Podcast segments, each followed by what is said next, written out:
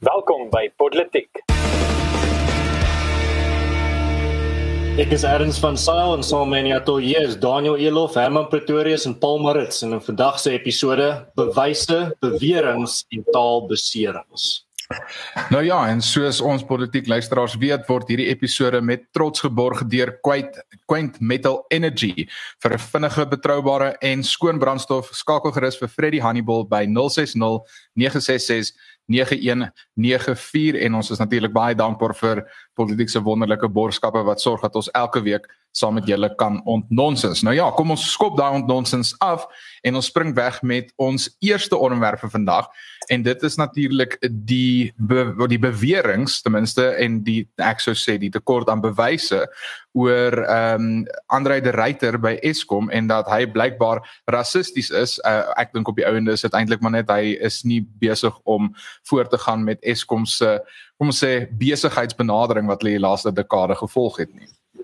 Kyk die die die probleem uh vir arme uh, Andre de Ruyter is dat ehm um, hy is in 'n moeilike situasie uh, want ek ek, ek ek ons nou soort van om om die afgelope tyd in die media gesien en mense mense wil 'n bietjie wonder um, wat die rede wat die beweegredes daar agter was en ek dink vandag se gesprek kan ook 'n bietjie daarna kyk maar ehm um, die kort en lank van hierdie storie is dat daar is aantuigings uh, deur 'n voormalige kan nie onthou wat die Soliperd se se posisie was uh en as ek bedoel die Soliperd is dit nie na jou nie Paulus um, hy hy was uh, toevallig uh, by procurement Yes, yes, yes. In hierdie berg het aantuigings gemaak dat Andre de Ruyter uh daar's 'n hele rits, daar's 'n hele rits aantuigings sien ontmaak maar die ras uh uh vraag en waar waar die die die Eskom raad gaan nou 'n uh, onafhanklike ondersoek instel is om bewyse te vind oor of Andre de Ruyter doelwis uh swart verskaffers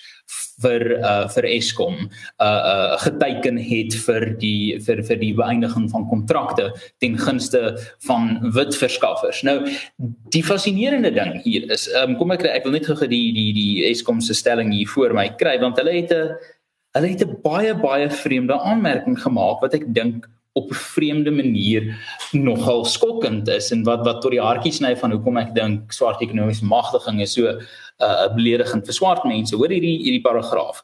The board is now the Eskom board. The board unanimously and unequivocally stands against racism and sexism and for transformation and employment equity. Simultaneously, however, the board was instructed to uh, the board has instructed the executive to promote a high performance culture to enable the critically important turnaround at Eskom to be delivered as soon as possible. Nou die interessante ding van die gebruik van die woord however is jy stel twee goeders teenoor mekaar. So aan die een kant is die Eskom raad besig om te sê ons is teen rasisme, maar ons is vir effektiewe funksionering. So die probleem hier is dit lyk asof die Eskom raad hierso sê dat of swart ekonomiese magtiging is duidelik 'n 'n 'n 'n absolute uh jy weet grap. Uh en en dit dit dit dit ontbloot hierso die feit dat hulle hulle was hierdie die regte perverse denke daar agter want essensieel wat hulle hierso sê is ons is teen rasisme maar ons is vir effektiewe dienslewering en as jy daai twee teen mekaar gaan stel dan is jy basies besig om te sê swart mense kan nie verantwoordelik wees vir effektiewe bestuur van hierdie entiteite of hierdie hulpbron nie wat gek is wat net absoluut bizar is maar dit wys net die perversie van rasgebaseerde beleid en en hoe dit hier nou die kwessie aan die gang is. So om hierdie hele ding af te sluit, Eskom se uh, hoof uh uh Andre de Ruyter word is nou aan ontvangkant van hierdie aantuigings. Uh Gerals, dink julle hy gaan dit oorleef? Want ek moet sê ek dink hierso is 'n interessante politieke spel hier agter. Hy het uh, uh hy sê hy sê hy Ramaphosa aanstelling, hy is dalk verteenwoordigend van Ramaphosa se kamp en ek dink dit sal baie onwys wees om es om om de Ruyter se posisie en die aanslag daarop los te maak van die kwessie van die openbare beskermer en haar posisie um Jacob Zuma voor die sondekommissie die klagtes teen hom ek dink hierdie is baie duidelike indikasies van faksionele ANC 'n uh, 'n verhandigheid wat oorspoel en dat die kwessie van Andre de Ruyter de Ruyter word as dit ware 'n proxy uh vir wat aangaan in die ANC. Paulus jy jy tip jou kop, jy skud jou kop. Ek is seker of jy saamstem of verskil nie. Ja, ek ek dink dit is 'n vars perspektief. Dankie Herman. Dit is dit dit laat mense regtig nog ons dink. Jy weet, is die ryter ehm um, jy weet gaan hy gaan in die spervuur kom van 'n van 'n faksiestryd miskien tussen Magashule en Ramaphosa. Ehm um, dis 'n baie interessante vraag. Ek dink wel daar lê 'n klomp ander goeters hierso. Ek dink byvoorbeeld dit was slim van die Eskom raad homself te sê maar hulle gaan hulle eie ondersoek instel want sodoende het jy dalk 'n bietjie meer beheer oor die ondersoek dis die ding. Maar ek dink daar's 'n paar goed wat ons moet vra. Onthou in Suid-Afrika wanneer prestasie nie noodwendig optimaal is nie dan is dit okay wanneer dit onder die boeg van transformasie gegooi word. Onthou dis jy kan maklik in Suid-Afrika sê ja ons sukkel maar onthou ons gaan deur transformasie. En dit het dit het amper 'n jy sê proksie maar dit het amper 'n dit het 'n rede geword vir jy jy kan amper sê okay maar ons gaan deur 'n oorgang en so aan. So ek dink die probleem vir Andre de Ruyter is toe hy aangestel is toe besef almal luister jy ons het 'n groot um parastatale organisasie en jy weet die die staat het 'n groot aandeel daarso. Jy weet 10 teen 1 besluit die staat in elk geval self wie die hoofuitvoerende beampte en deur 'n 'n wit ou Afrikaanse ou aan te stel word daar bepaalde ding gesê. Daar word gesê ons verwag net een ding van jou en dit is jy weet ten minste in terme van hoe hoe hy lyk. Ja, daar was verwagting van hom om om transformasie vlakke op te hou tot bevind. Maar daar word was duidelik gesê prestasie is wat jy moet doen. En nou is my vraag het Andre de Ruyter werklik so goed presteer? As ek reg is, is hy einde 2018 aangestel, kan ook einde 2019 gewees het. Ehm um, ek onthou dit was na die einde van die jaar toe. Ons het nog 'n grappie daaroor gemaak op politiek oor die titel iets van uh, die wit ruiter op die perd. Ek kan nie presies onthou nie. Maar goed, nee, die easy punt. Ehm um, as ek as ek dit vinnig kan kan saamvat. Nou is natuurlik wonderlike lekker stories om vandag oor te praat. Maar die punt vir my is dit ek dink die ryter se prestasie is nie noodwendig voldoende dat hy op hierdie stadium kan sê luister jy los my uit. Ek gaan aanstel wie ek wil aanstel want ek moet Eskom red nie. Um, en ek weet hy doen 'n klomp goed. Hy het 'n klomp bates verkoop en miskien lyk hulle likwiditeit hulle bietjie beter maar die punt is beerdkrag is nou meer as ooit um, of op dieselfde vlak as wat dit van tevore was. En verder as dit dink ek ons het geweet hierdie kom. Ek dink toe Andre de Ruyter die pos gevat het hy geweet die oomblik wat Ramaphosa se posisie in gedrang kom gaan 'n vraag van hom gevra word en hy het geweet die oomblik wat hy wat hy gaan begin diensverskaffers kies op grond van suiwer meriete sonder om iets anders in ag te neem. En daardeur sê ek nie dat dat uh, dat dit ras iets te doen het met meriete nie. Ek dink ons is verby daai punt as 'n mensdom. En maar die punt is die oomblik wat hy gesê hy gaan net na meriete kyk en na niks anders nie. Moes hy geweet het hierdie goed gaan kom? So so wat die die ryter debat vir my betref dink ek nie enigiemand is te verbaas nie. Um, en dit kan wees dat dit druk van 'n ander party af mag wees.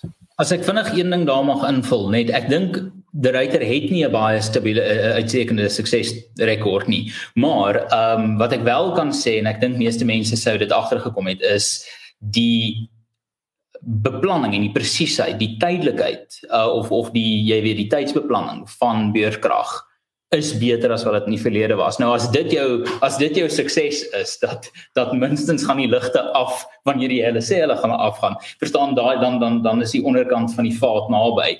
Maar ek dink daar is ek ek dink ek dink om hom is ek dink mense hoef nie hom 'n mislukking te noem nie. Ek dink daar is vordering, maar die die die die, die is so diep in 'n gat dat uh jy kort regtig fundamentele omswaai. Sorry, Daniel ek ek stem saam met jou Herman met jou aanvanklike opmerkings dat hierdie is nou maar net eintlik 'n uh, 'n funksionele stryd wat uitspeel binne binne Eskom. Ek dink ons moet dit sien vir wat dit is. Dis dis iemand wat ongelukkig dat hy nou tenders verloor het want die ryter wil nie aangaan met die tenders wat voorheen aan hom toegeken is nie en die maklikste oplossing is om net te sê dis rasisme.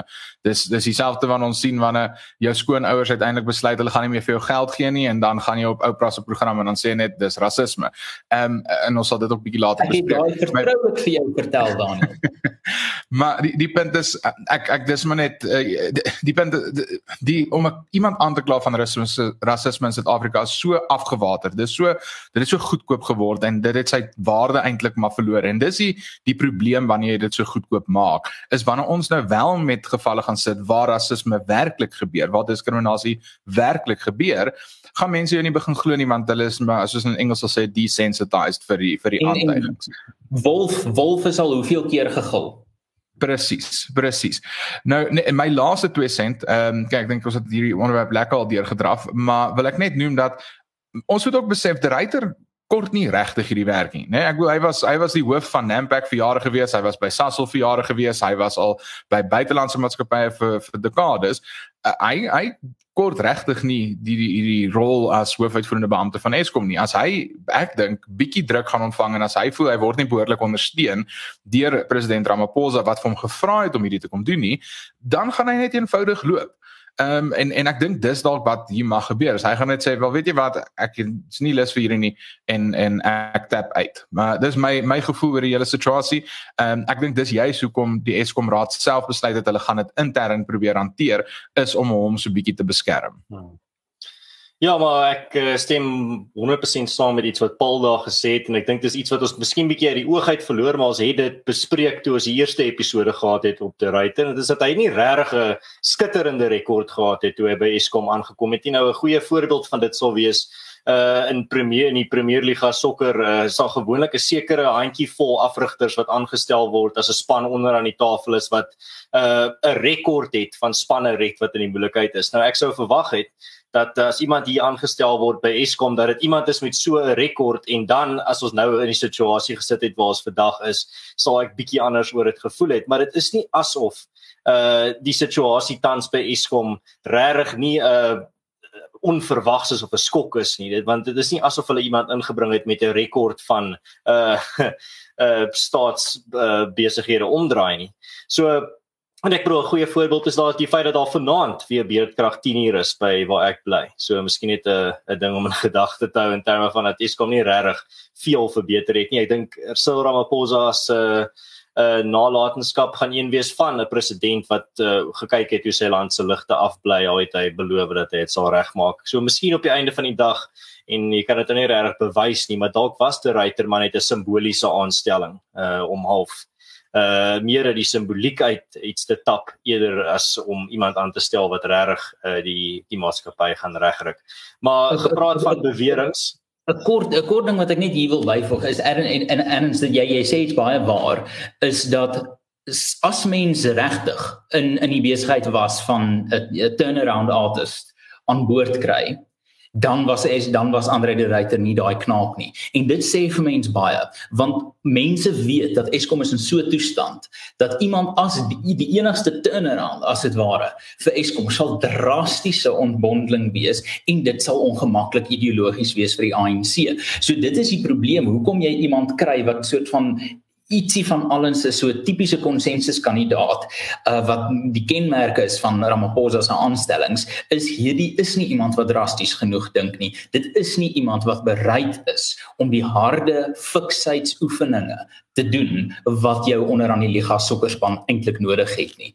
Ehm um, maar so van sorry, gepraat van onder aan die liga sokkerspanne. Ehm um, Prins Harry Okay, wel uh, daar kry ek die dalk smoothste oorgang ooit. Jy kon gesê het hulle, hulle speel ten minste sokker in Engeland en Prins Harry is van Engeland, maar nee. Ehm um, so so vir, vir my is daar 'n paar goed om net vinnig oor te praat. So, ons weet natuurlik dat uh, dat 'n groot opname gister en eergister afhangend waar in die wêreld jy is, deur die wêreld versprei waar Prins Harry en wel hy's nou net Harry en Meghan ehm um, met Oprah Winfrey gepraat het en hulle het gepraat oor hoe verskriklik moeilik dit vir hulle was in die koningshuis en hulle beweging ingeperk is en dis meer. Daar's 'n paar ernstige aantuigings gemaak en ernstige onthullings gemaak, so ek raak net vinnig daaraan. Ehm, ten eerste was daar natuurlik die groot opspraakwekkende storie wat nog sal bespreek word in die toekoms en dit is dat daar vrae was voor die geboorte van uh, Archie uh oor wat se kleur sy vel fisies sou wees. En dis natuurlik 'n groot ding. Ek dink in die 21ste eeu weet ons hoe sensitief daai gesprek is. Ehm um, en en dit het natuurlik bepaal binne 'n uh, monargie in 'n westerse land het dit sekere bepaalde geskiedenis ook wat in ag geneem moet word en ek dink nie mense moet onsensitief wees teenoor 'n klein babietjie nie. Miskien oor die hantering daarvan en oor ja, dit is nie regtig waar ek praat vandag nie. Ek sê regtig nie genoeg om oor die Britse koningshuis om 'n hele 10 minute segment daaroor te praat.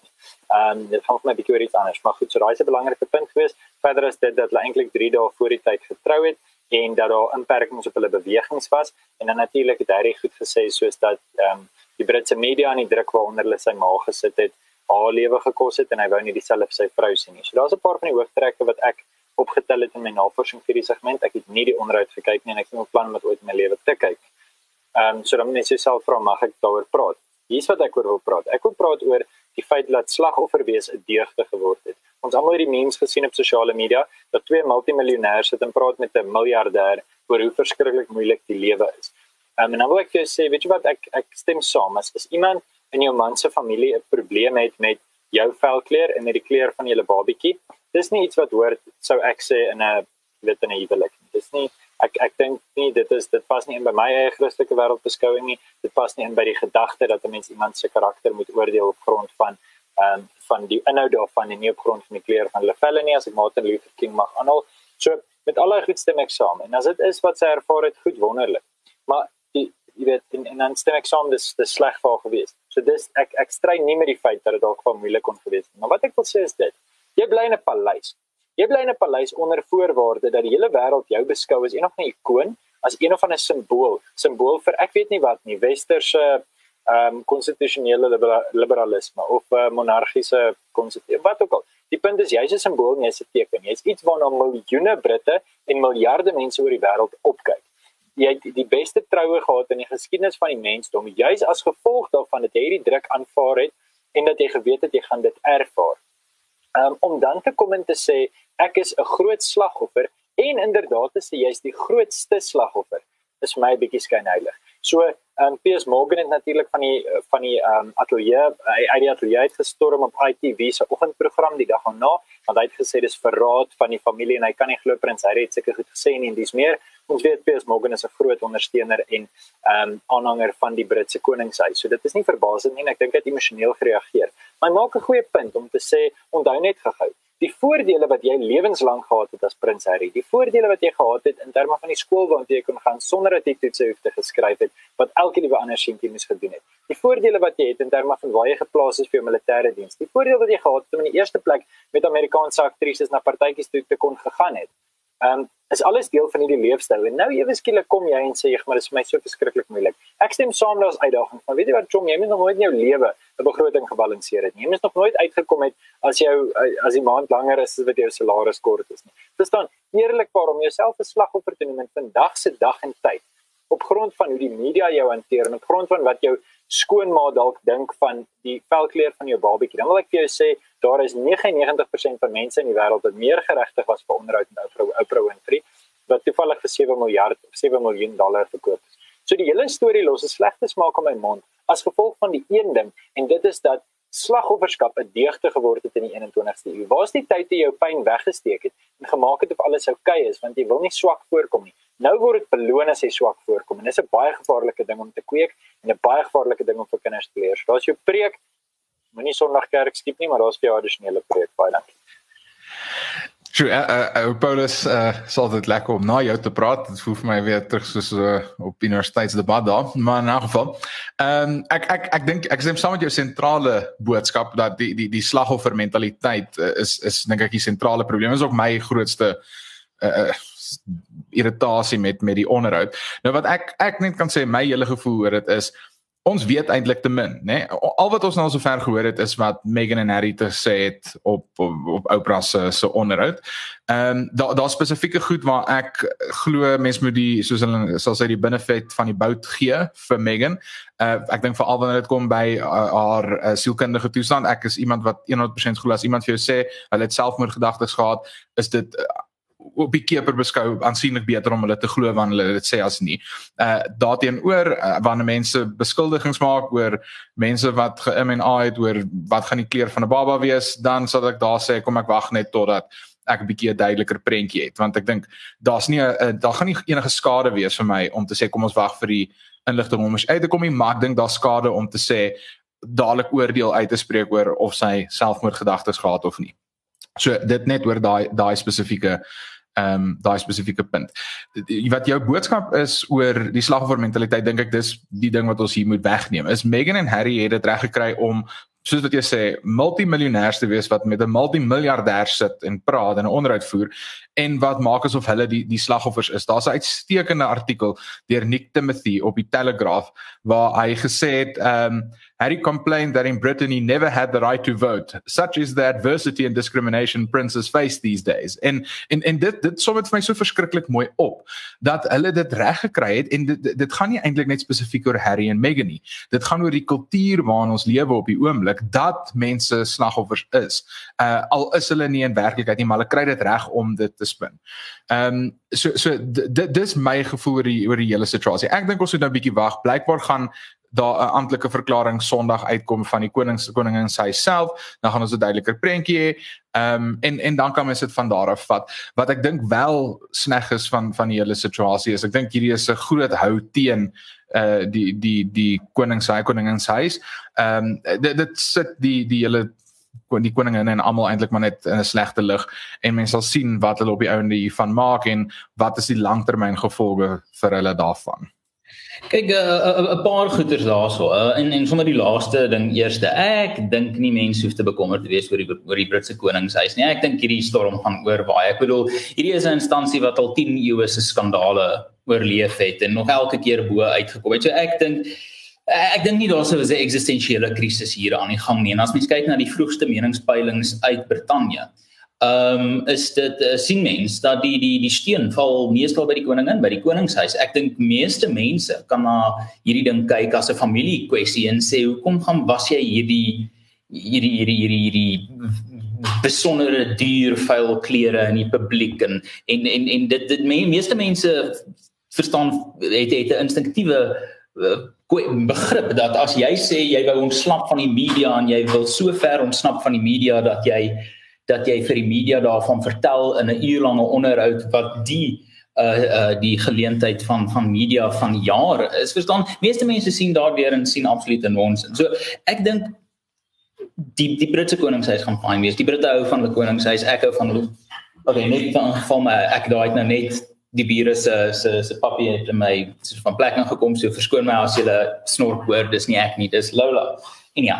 Ehm um, so die kwessie hierso is ehm um, die koningshuis gaan fyn wees. Die koningshuis gaan fyn wees as simbool dink ek behoort fyn te wees en ironies genoeg dink ek uh, uh as Suid-Afrikaner is ek relatief uh uh ek is nogal 'n aanhanger van die idee van 'n koningshuis omrede dat jy het hierdie onderskeid van die simboliek en die funksie van die staat. Ek dink ons in Suid-Afrika sou dit baie beter vir ons gewees het as ons daai tipe beskeiding gehad het. Maar voordat mense te diep daarin uh kyk, sien die kritiese rasteorie hier raak sien die black lives matter filosofie so raak sien die die die ekonomie van swaar kry van slagofferskap van die die minagting van feite dat as jy 'n multimiljardêr of 'n multimiljonêr is maar jy is van 'n identiteitsgroep wat die goedkeuring van slagofferheid wegdra. sien raak hoe Meghan en Harry absoluut perfek hierdie taal praat van ons tydsgees um uh van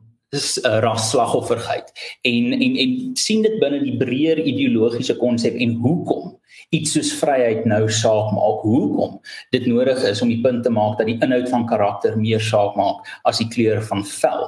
Want hierdie is 'n aanslag daarteenoor en ek sien baie mense sê o oh, ons gee glad niks hieroor om nie geen kommentaar nie. Ek dink dis juist verkeerd. Hierdie is belangrik. Hierdie is 'n belangrike kulturele ontwikkeling. Nie omdat ons hou van die koningshuis of wat ook al nie maar omdat hierdie is so 'n goeie geleentheid om te sien die manifestasie van die tydsgees en die manifestasie van die tydsgees is aktief anti uh uh, uh, feite is aktief anti-meriete.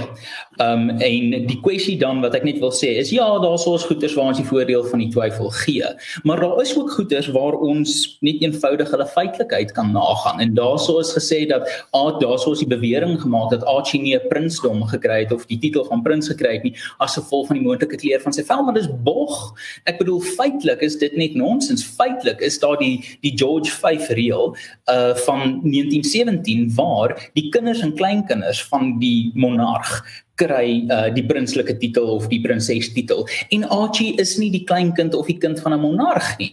En sy neefies en niggies die kinders van prins William is anders want hulle is in die direkte lyn. Hulle is die direkte navolg van 'n toekomstige koninklike wat op die troon gaan sit. So daar waar ons feite kan nagaan is die feite duidelik nie aan hulle kant nie. So dit maak my skepties oor die ander goeders wat hulle maak. Um, maar soos jy sê ek wil jou punt ego waar mense sielkundig swaar kry, het deernis, maar waar mense lieg en waar mense die tydsgees uitbuit tot hierdie mate, dink ek jy kan jou deernis vir hulle sielkundige swaar kry, isoleer van jou kritiek van die res van hulle. Ja, van my kant af kan ek maar net sê geen kommentaar nie. Uh die doen en late van die Engelse koning of die Britse koninklikes is vir my van soveel belang soos die badkamer rotines van my buurman. Nou ja, baie dankie. Ehm um, ek het gedink erns dat jy my net meer dit sê. Ek wil wel interessant genoeg sê dat ehm um, ja, Daniel het gesê jy weet bly my regtig nog ons by. Ons moet deernis sê en wanneer iemand sê jy weet ek het selfmoord neigings, dan moet ons dit ernstig opvat. Ehm um, jy weet vir eenvoudige rede dat ek ek dink ietsie soos geestesgesondheid is 'n wesenlike kwessie. Ehm um, en hoe hierdie saak verder hanteer word ek en ek, wil ons eintlik komplimenteer. Ons het ons het in die verlede al kritiek gekry dat ons bietjie eenoogig na dink kyk. Ek dink regtig ons hierdie ding nou gebalanseerd uitgekyk. Daar's daar's waarheid en ons nonsens en ons het bietjie ontnonsens. So ek dink dit is goed. Ehm um, gepraat van nonsens.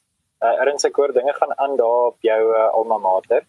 Nou ek het hierdie ek het hierdie klag Saterdagoggend ontvang toe mamma my gebel het soos in trane en my vertel het wat aangaan. En ehm um, kom my ere oor oor eers nie glo nie maar uh, dit blyk nou vir my met John Steenhuisen wat vandag op kampus was met sy sogenaamde fact finding mission saam met Leon Schreiber dat ehm um, daar tog so 'n bietjie waarheid agter dit steek en dat daar ernstige vrae is rakende die taalbeleid van die Stellenbosch Universiteit. Mm. Ja, dit is absoluut iets wat ek dink uh, definitief van belang is en dit is dat Afrikaans by die Universiteit van Stellenbosch uh, weer onderskoot is nadat Afrikaanssprekende inwoners van minstens 2 dames dames koshuise tydens uh, die verwelkomingsweek aangesê is om slegs Engels met mekaar en besoekende ouers te praat. Uh en dit is selfs al as almal of dit nou hulle vriende of familie wat teenwoordig is Afrikaans is. Ehm um, en dan is daar nog iets anders wat 'n uh, bietjie minder mense van praat, maar dit het nou net vandag ehm um, in die nuus gekom. En dit is dat uh die Universiteit van Stellenbosch uh, is daar by die Universiteit van Stellenbosch is daar weer nog jong beweringe dat 'n uh, nuwe kursusse by die universiteit binnekort dalk net in Engels aangebied gaan word. Nou as jy na die eerste storie luister en jy luister na die tweede storie, dit is nie buite die uh buite die verbeelding nie. Maak eintlik vir my heeltemal sin aangesien ek al uh 4 jaar by Stellenbosch was. Ehm um, ek kon sien die uh, die uitstoot van Afrikaans met my eie oë. Ehm um, so dit is nie iets wat uh, 'n uh, uh, 'n ber berg van 'n molsoop gemaak word nie. Hierdie is definitief uh daar's definitief 'n groot uh, oorlog teen Afrikaans besig uh, op die Stellenbosch kampus. Uh, my my twee sent oor die hele ding is ek ek's nooit verbaas wanneer daar allerlei waansin aangaan in Stellenbosch nie. Ek voel die hele Weskaap is 'n ander land uh, wat heeltemal anders funksioneer as die res van Suid-Afrika in elk geval. Ehm um, ek ek kon nog nooit julle verstaan nie. Elke keer as ek Herman en Paul afgegaan het Stellenbosch toe vir bietjie debatskompetisies dan het ek ook nie geweet wat Stellenbosch kwyt geraak het nie. Uh, die punt is net dit dit verbaas my nie. Uh, dit verbaas my nie dat hulle luister na hulle eie prosesse nie. Dit verbaas my nie dat hulle besig is om absoluut teen die demografie van hulle eie provinsie te gaan en te probeer om Afrikaans totaal af te skaf nie. Ek ek weet nie. Stellenbosch is 'n vreemde plek. Die Weskaap is my 'n vreemde plek. Ehm um, en en ek sukkel baie keer om dit te verstaan. Uh wat, wat ek kan sê is ek is dankbaar vir organisasies wat uh, ingryp en en en help en dan net om af te sluit. Uh gewoonlik sê ek sit ek altyd net hier en ek klap hande vir my wonderlike kliënte, die ERR Afriforum en Solidariteit, maar hier kan ek dalk klein bietjie hande klap vir die DA want ek dink die DA is besig om hierdie eintlik pyp te hanteer en ek dink dis spesifiek uh Leon Schreiber wat hierdie regtig uh, die kollig op hierdie plaas en ek dink uh, ek weet uit die aard van die saak hy luister hierdie natuurlik. Ek weet van parlementslede van die DA wat ons potsending elke nou en dan bietjie uh, vir inskakel. So ek hoop hier ook al enigiemand van julle wat luister laat weet asseblief vir hom dat ek dink hy doen 'n uitmuntende werk met hierdie. En uh ja dit is my 5 sent oor hierdie hele ding Yes, nee, ek sien jou jou jou inflasie skop duidelik in. Ons begin by 2 sent, ons is nou by 5 sent. Naderland Daniel, ons moet maar vinnig praat net. Nou is jy by 'n paar rand en dan is ons regtig in ons lot. Prokureur werk in minute en geld, Herman. Wel, ek het nie geweet jy werk nie. Maar ehm um, die die die kwessie, ek dink een ding wat ek net vinnig hierdie punt wil maak is ek dink Leon Schreiber is regtig 'n kampvegter op hierdie op op op hierdie front en dit is nie net dit is nie net politieke opportunisme wat hom nou hier betrek nie. Hy is al vir die afgelope 2, 3 jaar regtig aktief betrokke ehm um, waarskynlik meer aktief as enigiemand anders uh, rakende die taalbeleid uh op die Stellenbosch Universiteit uh, uh gronde en en en en ehm um, jy weet te stryd kry wat daarso aangaan. Ehm um, so so alle krediet aan aan aan Leon en ek het enorme respek vir hom. Daar's ons 'n paar die parlementslede vir wie ek baie baie min tyd het. Leon is een van hulle uh is is een van die vir wie ek besonder baie tyd het. Uh as gevolg van net eenvoudig die die die integriteit van sy werk en mense gaan lees Coalition Country. Dis 'n baie ek dink dit is Leon se se doktorsgraad. Fascinerende boek, jy moet werd om te lees. Um dan wil ek vinnig iets optel op wat jy gesê het Daniel van die demografiese vraag. Afrikaans is nie 'n meerderheidswit taal nie. Afrikaans sprekers is meerderheid bruin, swart of selfs daarso 'n paar duisend ehm um, uh, mense van Asiëse afkoms hierso. So die absurditeit van om 'n taal te teiken as gevolg van die ras van 'n minderheid van sy sprekers wat duidelik hier aan die gang is is net is net 'n ab, absolute ontbloting van van die toksiese ideologie uh, van van jy weet die, die nasionaal demokratiese revolusie en ek kan onthou hoe ek debat afgerig het by by 'n swart Afrikaanse skool um hier in Pretoria of by op die buitewyke van Pretoria. En dit was 'n paar jaar gelede toe hierdie kwessie van Afrikaans as as as as akademiese taal en as um op op, op verskeie kampusse regtig in die nuus was.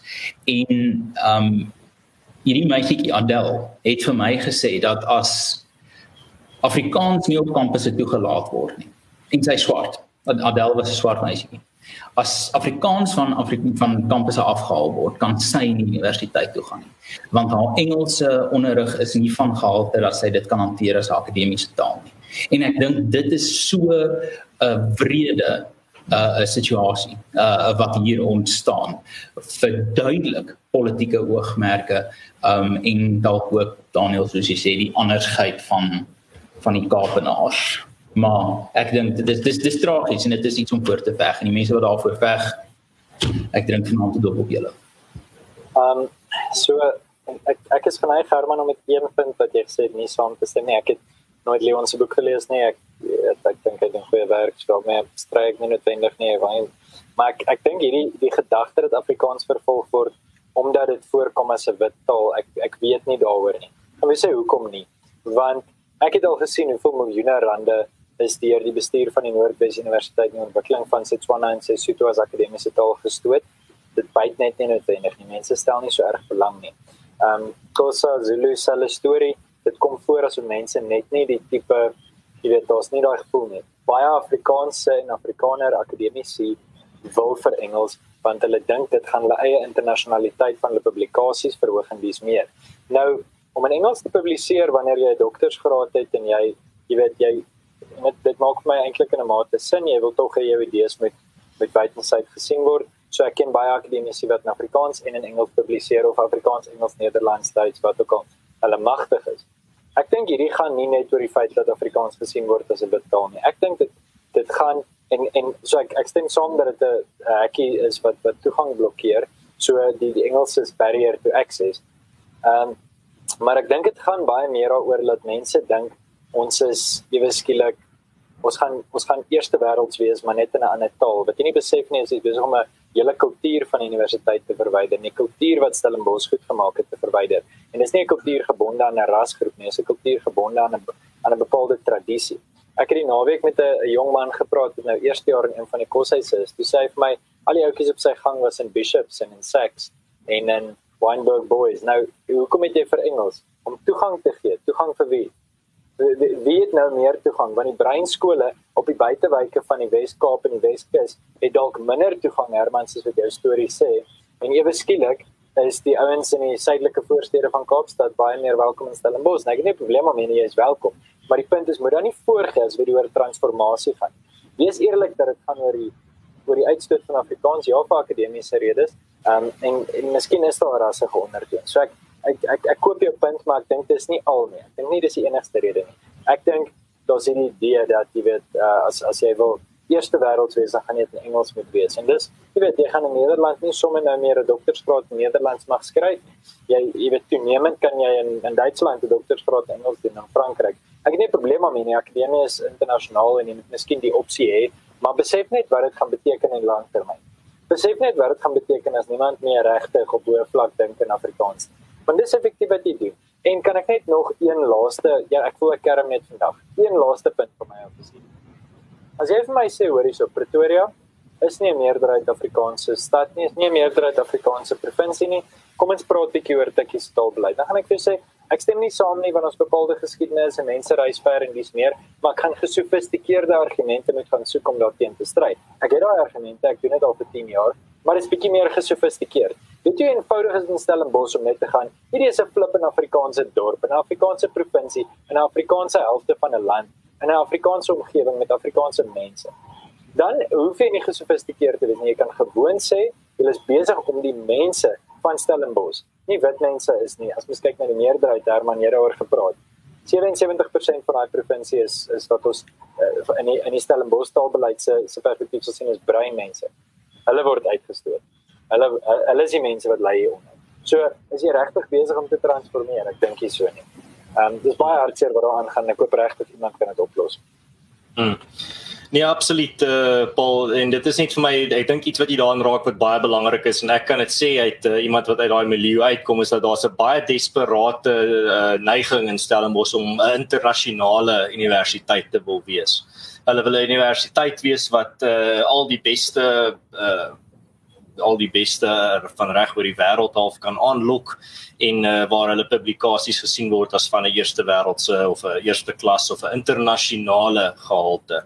Ehm um, en ek dink dit is definitief iets wat 'n rol speel. Maar ja, my my enigste vraag is as jy 'n taal vat soos, soos Afrikaans uh, met die miljoene sprekers wat dit het, kan ons nie een universiteit gegeen word nie. En dien die antwoord nee is, dan sal ons dit self bou. Maar as jy dan kom soos Lesofie en almal soos hy al gedoen het. As ons ons eie universiteite bou en sê ja, julle kan nie dit doen nie. Dan gaan jy moet jy nie verbaas wees as ons ernstig begin vra vra maar wat is jou ware agenda? Nou julle om op 'n bietjie positiewer noot af te sluit en vandag se lekker episode op te som met ek 'n blink aan bo. Uh ek weet nie of julle gesien het nie, maar hierdie week het die uh, formidable burgemeester van Ukuruleni Mzwandeli Mazina aangekondig en pragtige spogfoto's op sosiale media gepost of geplaas waar hulle gewys het watter wonderlike nuwe uh, metro rail trokke hulle aangeskaf het. En julle mag dalk dink wat is so spesiaal van nuwe treintrokke? Wel hierdie keer pas hulle op ons land se spore. So ek dink dit is dalk eh, 'n uh, blink aan bo waarmee ons vandag se episode kan afsluit. Wel, kyk, iemand trap in Fikile en Balula se spoor, so ek bedoel dit is nou maar een van daai kwessies. Nou ja, uh soos vreedsame Kersetes in Buckingham Paleis is hierdie is hierdie episode vir eers dan nou verby. Uh voer die gesprek verder in die kommentaar afdelings um om 'n bietjie saam met ons te ontmoet onsens uh maak gerus kontak as jy jou besigheid of politiek wil bemark.